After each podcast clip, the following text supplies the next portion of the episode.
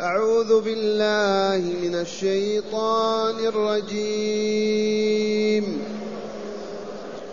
قتل الإنسان ما أكفره من أي شيء خلقه من نطفة خلقه فقدره من نطفة خلقه فقدره.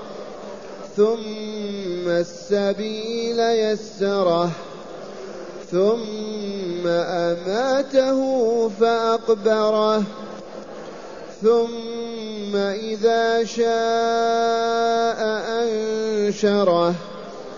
كلا لما يقض ما أمره. فلينظر الإنسان إلى طعامه. أنا صببنا الماء صبا ثم شققنا الأرض شقا فأنبتنا فيها حبا وعنبا وقضبا وزيتونا ونخلا وحدائق غلبا وفاكهة وأبا متاعا لكم ولأنعامكم. أحسنت. معاشر المستمعين والمستمعات من المؤمنين والمؤمنات. بالأمس في الآيات التي تدارسناها علمنا أن الله تعالى قد عاتب نبيه صلى الله عليه وسلم. لأنه انشغل عن عبد الله بن أمي بن مكتوم الأعمى وهو يسأله يا محمد يا رسول الله علمني. والرسول شغله أولئك الكافرون متوجه إليهم يدعوهم إلى الله. فعاتب الله رسوله صلى الله عليه وسلم. ما سبب هذا؟ الكفار. فمن هنا قال تعالى قتل الإنسان ما أكفره. منهم هؤلاء الثلاثة أو الأربعة. ومعنى قتل لعن لعنه الله بمعنى قتله قتله الله بمعنى لعنه. لعن الإنسان ما أكفره والإنسان هو ابن آدم ولكن المقصود هنا أولئك الطغاة الجبابرة المتكبرون الذين عرضوا رسول الله صلى الله عليه وسلم لمقت الله تعالى وعدم رضاه قتل الإنسان ما أكفره ما أعظم كفره ما أقبح ما أسوأ كفره. يكفر بمن؟ يكفر بخالقه ورازقه ومحييه ومميته. يكفر بمن بمن خلق الكون كله له يكفر بمن من أنعم عليه يعيش في نعمه. كيف هذا؟ قتل الإنسان ما أكفره. ما أعظم كفره وما أقبحه. كيف يكفر وينسي وينسى أنه لا إله إلا الله ويتنكر لها وينفيها قتل الإنسان ما أكفره ثم قال تعالى من أي شيء خلقه؟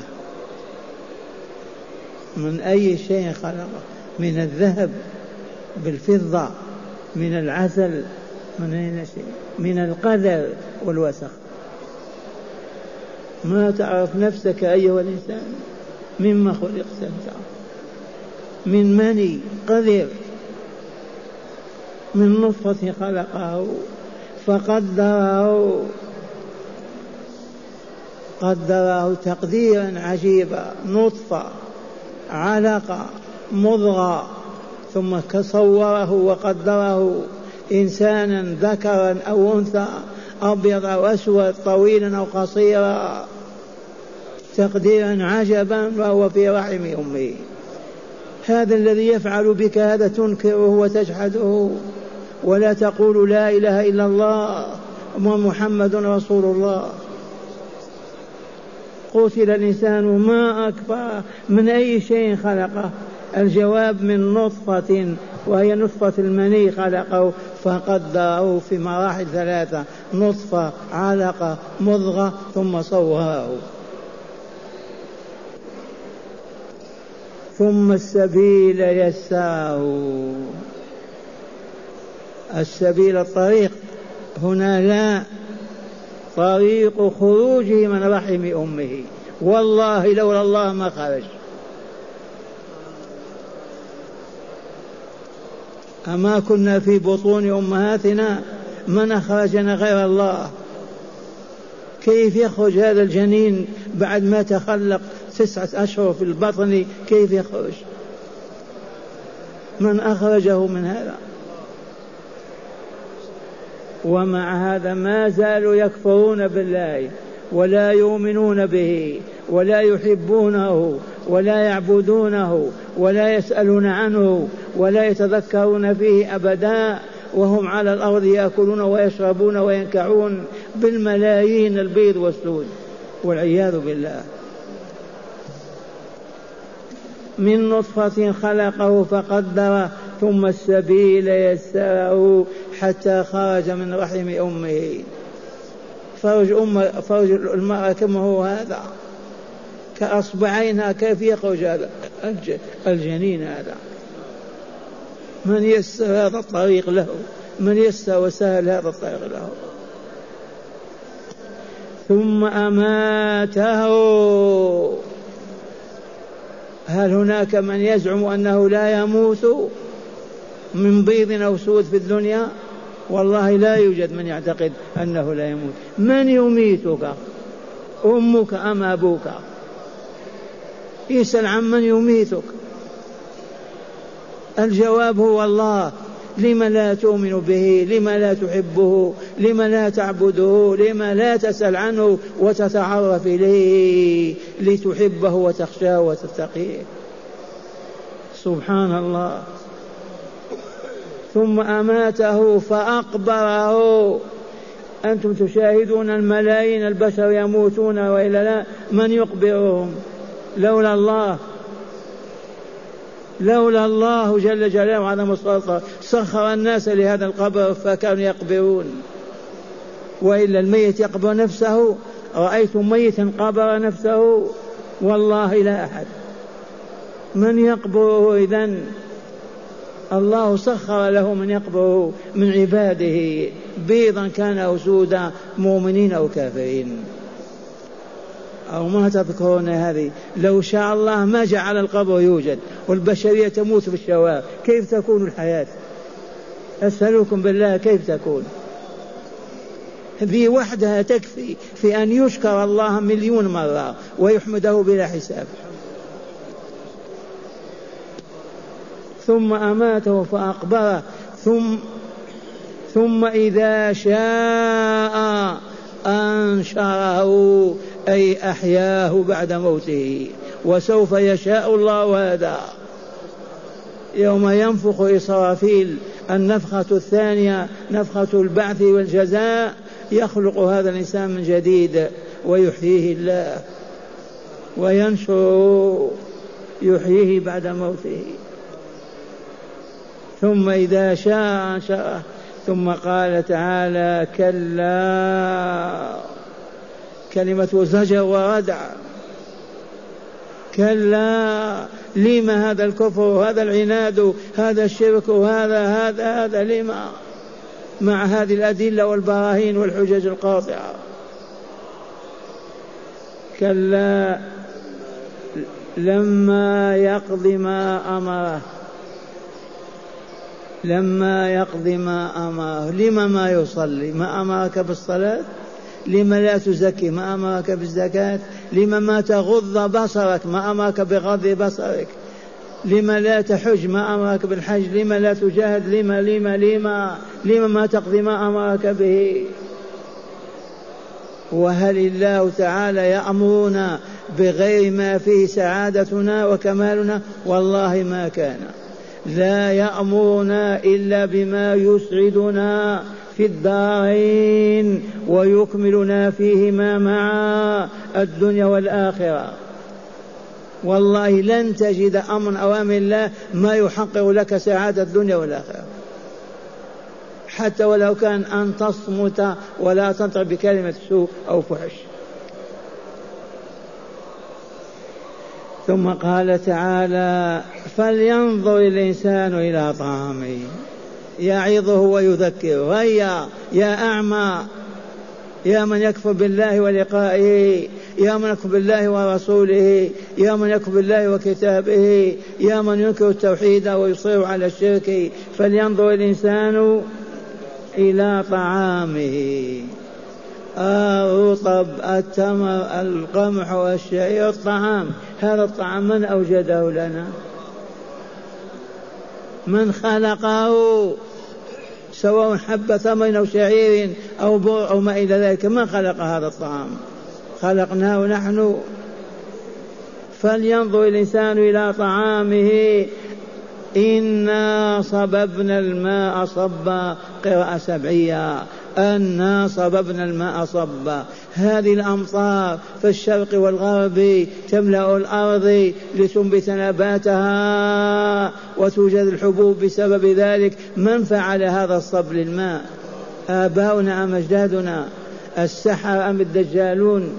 أم المسيطرون العلمانيون؟ من من؟ لا أحد إلا الله. فلهذا قال أن رب العزة والجلال والكمال صببنا الماء صبا أولا ثم شققنا الأرض شقا. لما تنشق الأرض ويدخل الماء؟ المفروض ما يدخل الماء ولا تنشق الأرض. حينئذ ما تنبت الأرض نباتا أبدا لا بر ولا شعير ولا ذرة ولا غيرها. آيتان عجيبتان. صب الماء ثم الأرض تنشق ويدخل ما في داخلها ليتكون المخلوقات من النباتات. لا إله إلا الله. ثم شققنا الأرض شقا فأنبتنا فيها عنبا فأنبتنا فيها حبا البر الشعير الذرة وما إلى ذلك من الحبوب. حبا وعنبا والعنب معروف نعم الفاكهة في الصيف والشتاء ونعم وعنبا وقضبا. القضب القتم ينبت ويقطع ينبت ويقطع وتأكل الحيوانات. هذا والله ينطبق على ما يسمونه بالبرسيم. تعرفون البرسيم ولا لا؟ أين يباع في السوق؟ هذا القضب. ينبت يقطع يزيد ينبت يقطع كل ما يقطع ولا ينبت هذا القضب. والمفسرون ما عرفوا هذا ما ذكروه. لكن فتح الله علينا وقلنا والله إنه البرسيم إذ هو الذي يقطع وينبت يقطع وينبت. أنتم شاهدنا هذا في البساتين. وعنبا وقضبا وزيتونا ونخلا. الزيتون شجر الزيتون حب الزيتون الزيت الذي في الزيتون من خلقه؟ والله أقسم به في قول والتين والزيتون وطور سينين. ما نسأل من خلق هذا التين؟ من خلق هذا الزيتون؟ من خلق هذا الزيت في الزيتون؟ لما جعلنا في حاجة إليه؟ الجواب الله الله الله. إذا فأطعه ولا تعصيه. ما يذكرون ولا يتذكرون أبدا.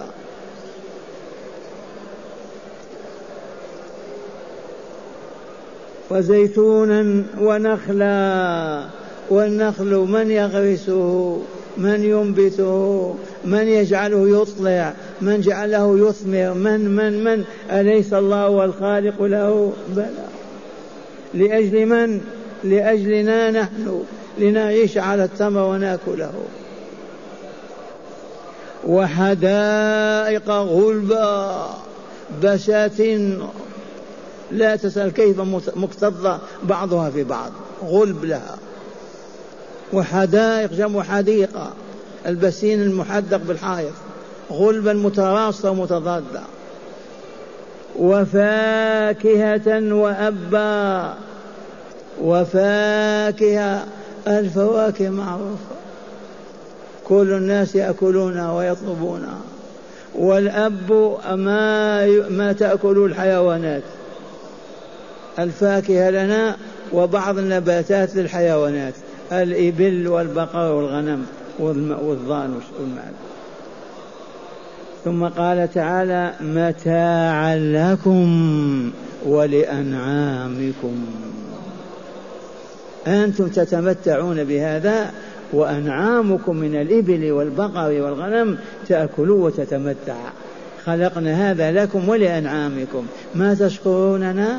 ما تحمدوننا ما تعترفون بخلقنا بإيجادنا لكم بنعمتنا عليكم فتعبدوننا وتوحدوننا. عجب هذا القرآن الكريم. فلو كان يقرأ على الكافرين ويبين لهم خمسين في المئة يسلمون. قد نحلف بالله. لأنهم جهلة ما عرفوا لو يقرأ هذا الكلام على إنسان على على الكافر يستحي.